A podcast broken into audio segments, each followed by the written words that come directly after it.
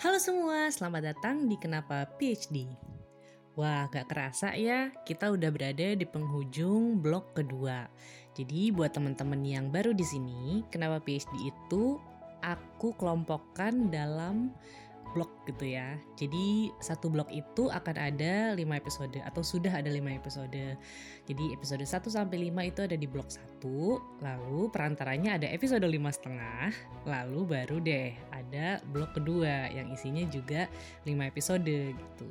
Nah, di setiap episode intermezzo ini kenapa aku katakan 5 setengah, terus sekarang ada episode 10 setengah karena durasinya akan uh, cuma setengah dari durasi biasanya gitu. Kalau biasanya kita sekitar 30 sampai 40 menit di kepala tiga ya kira-kira. Nah, di episode intermezzo-intermezzo ini akan cuma sekitar ya 15 menit lah kira-kira. Karena yang ngomong kan cuma aku, nggak ada dua orang gitu. Jadi 30 dibagi dua, 15 deh. nah, buat teman-teman yang belum tahu, kenapa PhD juga punya Instagram nih. Coba cari aja at kenapa PhD. Jadi kenapa PHD, nggak pakai underscore, nggak pakai dot, pokoknya at kenapa PhD aja. Di situ teman-teman bisa berkenalan lebih lanjut dengan tamu-tamu yang pernah main nih kayak kenapa PhD. Aku taruh di highlight dan sama tuh sistemnya. Teman-teman bisa lihat di blog-blog itu. Jadi kenapa aku bikin blog biar informasinya nggak overwhelming gitu ya. Nah, teman-teman juga bisa bahkan kalau mau kontak lebih lanjut ke pembicara-pembicara sebelumnya dengan cari aja tuh episodenya karena kan aku selalu ngasih sound clip di situ. Dan di setiap sound clip aku selalu mention tamu-tamu yang ngomong di situ. Jadi kalau misalnya mau nyari, katakan nyari Bang Erik gitu ya, nyari Dokter Erik, silahkan langsung ke episode yang ada Bang Eriknya. Nanti di situ ada mention sama ada tagnya Bang Erik klik Bang Erik dan bisa ngobrol deh langsung sama pembicaranya gitu. Mereka nggak sombong kok, mereka baik-baik banget. Diajak ngobrol di Kenapa PhD aja mau, ya nggak? nah, hari ini aku akan merangkum atau merefleksikan apa yang aku dapatkan dari ngobrol-ngobrol sama tamu-tamu Kenapa PhD dari episode 6 sampai episode 10. Mungkin aku nggak akan recap banyak karena teman-teman uh, bisa cari sendiri aku ngobrolnya apa aja sama mereka tapi yang aku highlight dari pembicaraan aku sama mereka itu adalah mengenai beating the odds gitu ya. Jadi bagaimana kita menghadapi hal-hal um, yang di luar kendali kita gitu. Itu aku rasakan kenapa? Karena kok setiap aku ngobrol gitu ya sama mulai dari Opik sampai dengan minggu lalu sama Mbak Ima dan Mas Guntur, mereka ini sebenarnya menghadapi tantangan-tantangan yang itu tuh di luar bukan di luar kemampuan mereka sih ya pasti mereka mampu gitu ya amin gitu kan. Um, di luar kendali mereka gitu.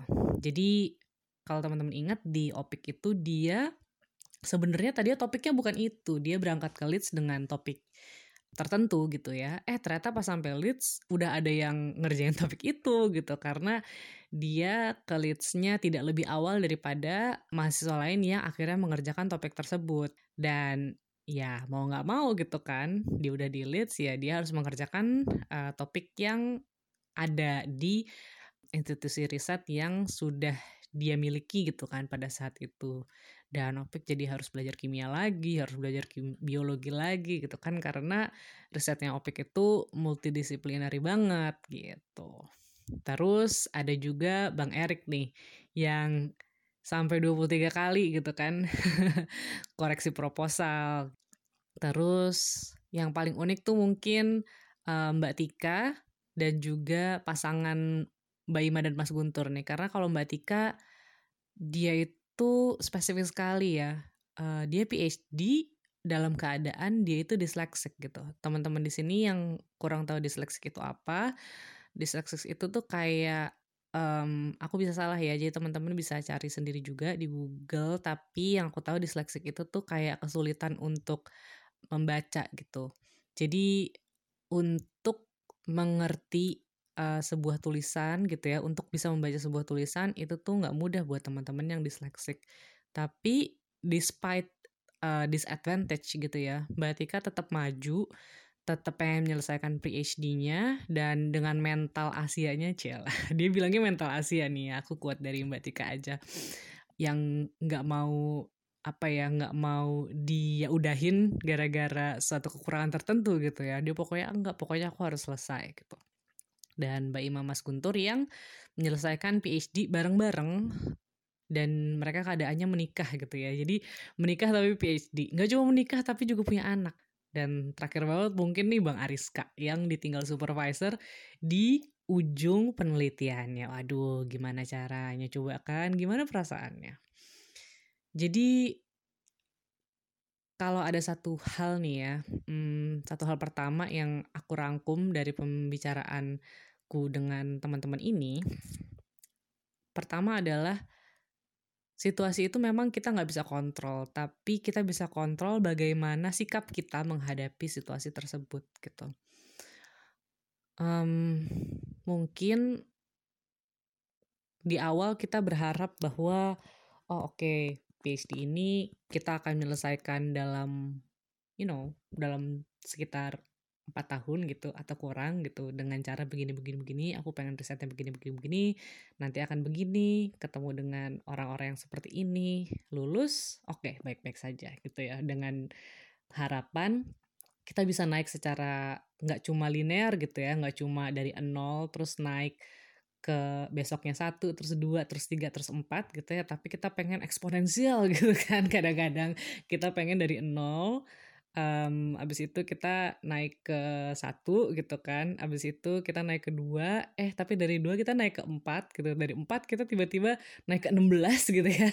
Jadi agak-agak kuadratik gitu kurvanya kadang-kadang. Padahal nggak juga gitu. PhD itu ya banyak banget naik turun belok kanan kiri. Kadang-kadang bahkan kita harus mundur gitu kayak ke belakang lagi ke atas ke bawah muter-muter dan akhirnya sampai di garis finish gitu.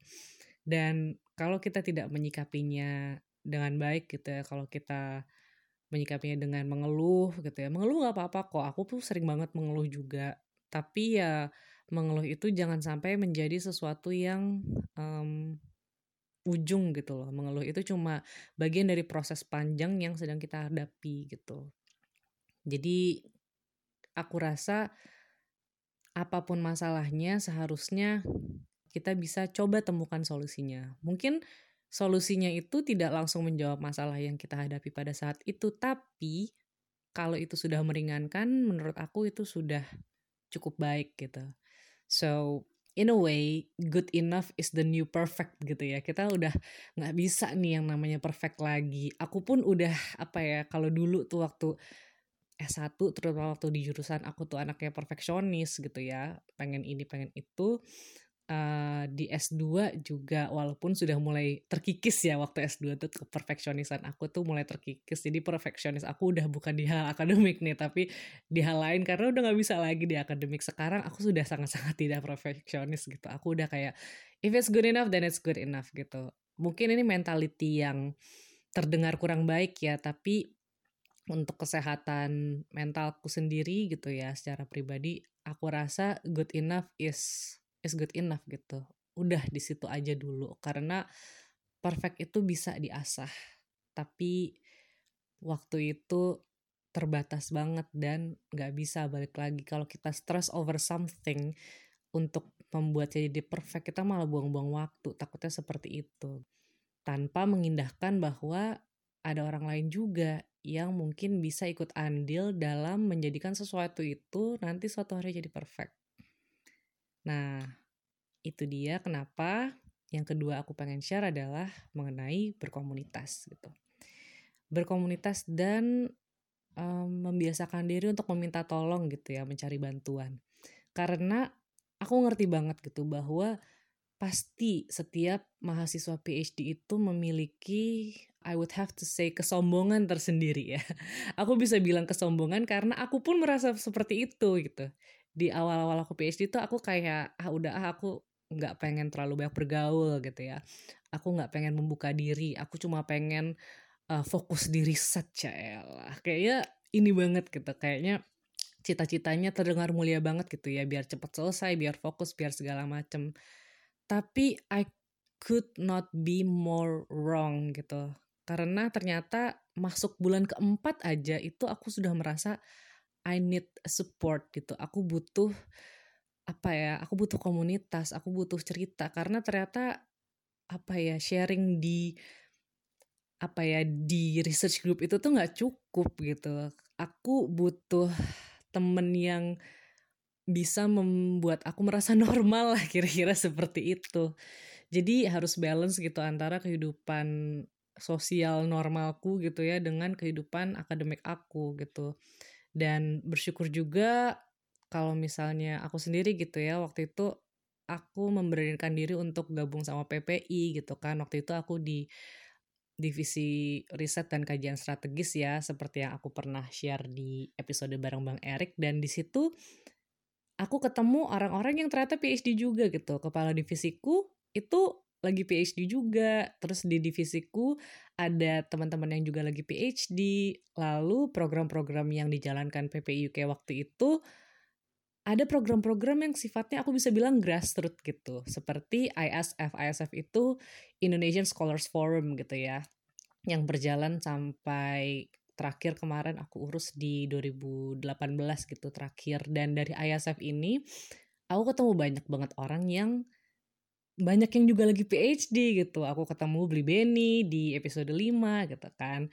Terus aku ketemu nanti tenang aja pokoknya teman-teman ISF juga beberapa akan aku masukin di sini nih tapi nggak akan aku spoiler sekarang. Jadi di sinilah di komunitas inilah aku bisa merasa normal kembali gitu lah. Aku bisa merasa manusia lagi gitu loh kalau aku minjem dari istilah yang batika gitu ya. Aku bisa merasa oh oke okay, I'm a human and these people are human too dan dengan berkomunitas ini juga Mbak Ima sama Mas Guntur menemukan orang-orang yang bisa membantu mereka gitu selama perkuliahan.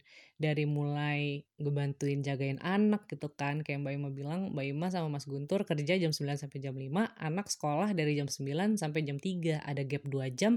Itu 2 jam tuh yang aku tahu tuh biasanya Mbak Ima nitipin anak-anaknya di keluarga lain gitu, keluarga Indonesia lain di Leeds gitu kan. Terus abis itu um, waktu mau berangkat pun Mbak Ima udah mulai kontak sama orang-orang leads gitu kan. Ada juga keluarga yang menguatkan dia gitu.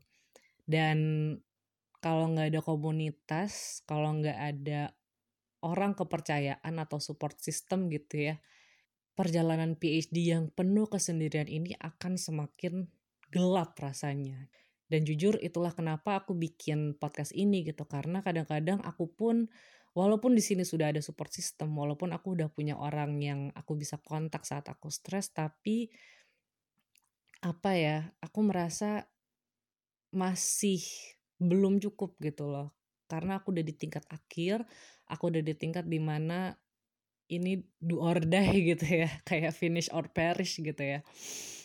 Aku tuh butuh semangat lain gitu.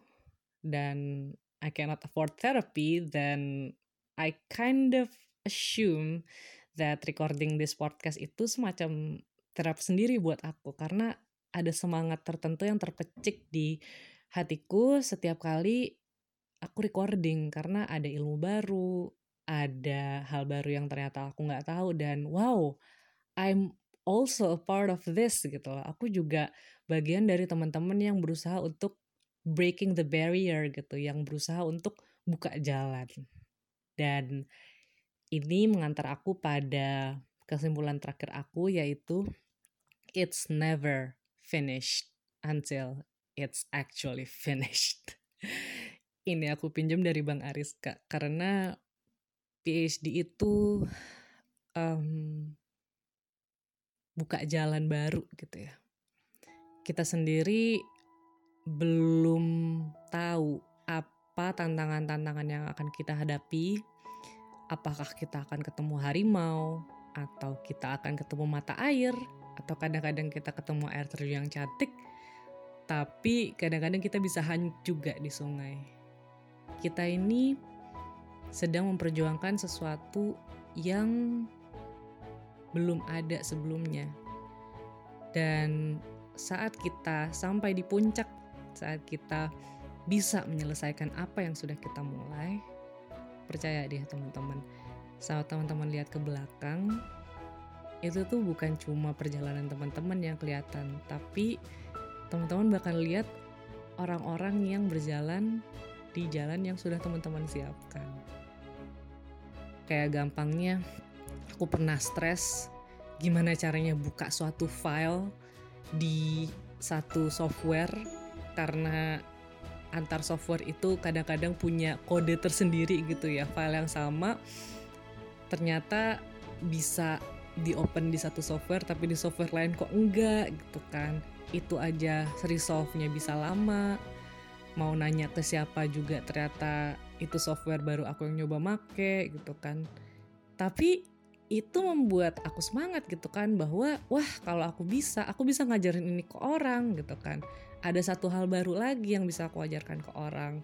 Dan aku yakin teman-teman di sini pun juga begitu. Pasti ada yang gagal terus kok eksperimen ini gagal terus? Ya gue salah di mana? Dan nanti mungkin ada metodologi ter metodologi tertentu yang bisa teman-teman turunkan ke orang-orang yang akan mengikuti jejak teman-teman nih. Jadi nggak ada yang percuma deh dan saat kita udah ada di finish line masing-masing kita bakal saling menyapa. Karena saat kita sudah di puncak barulah kita bisa melihat segala sesuatunya dengan pandangan yang lebih terbuka. Dan bayangin kalau aku ada di puncak lalu teman-teman yang lain ada di puncaknya masing-masing juga. Kita bisa saling ngasih tahu jangan lewat situ jangan lewat sini, lebih baik lewat sana. Dan gak menutup kemungkinan bahwa kita akan turun dan memulai perjalanan baru. Karena itulah pekerjaan researcher, ya nggak sih? Oke, okay. sekian sharing aku hari ini. Mudah-mudahan berguna ya teman-teman. Dan sampai ketemu di episode selanjutnya setiap hari Selasa. Kenapa PhD? Kenapa tidak?